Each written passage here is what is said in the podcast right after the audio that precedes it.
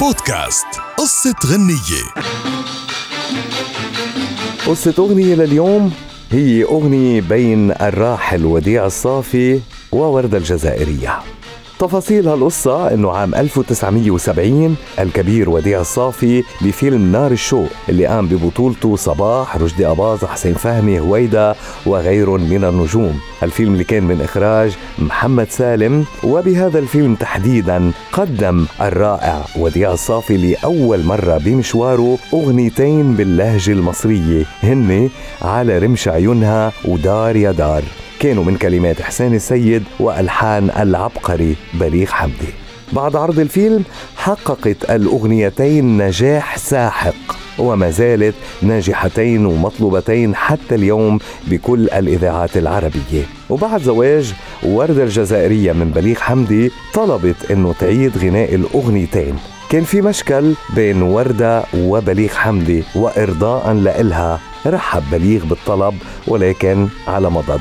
خاصة وأنه الأغنيتين حققوا نجاح ساحق بصوت وديع الصافي وأنه أي مطرب رح يقرب منهم رح يحترق بنار عذوبة وإمكانيات وديع الصافي. ولكن وردة وعند وردة الشهير خليها تصمم على غناء الأغنيتين. عام 1979 يعني بعد تسع سنوات وقت اللي كان مشغول بإعداد ألحان للمطربة الواعدة ميادة الحناوي ولحتى يسعد زوجته وردة وافق إنه تطرح الأغنيتين وسمح لها بإعادة غناء الأغنيتين شرط إنه تغير الكلام. واجه المشروع مشكلة بتتلخص بأنه كلمات أغنية على رمش عيونها ذكورية وما بتصلح أنه تغنيها مطربة. فطلب بليغ حمدي من الشاعر المبدع حسين السيد تغيير كلمات الأغنية وكتابة كلمات أخرى بتصلح إنه تغنيها وردة ولكن على نفس اللحن. أعجب حسين السيد بالفكرة وأخذها كنوع من التحدي لموهبته وكتب على نفس الوزن والآفية أغنية بعنوان على قد ما يومها فرحنا سوا. وغنتها وردة الجزائرية وكمان غنت دار يا دار وطرحتهم على شريط كاسات من خلال شركة موريفون بنهاية السبعينات.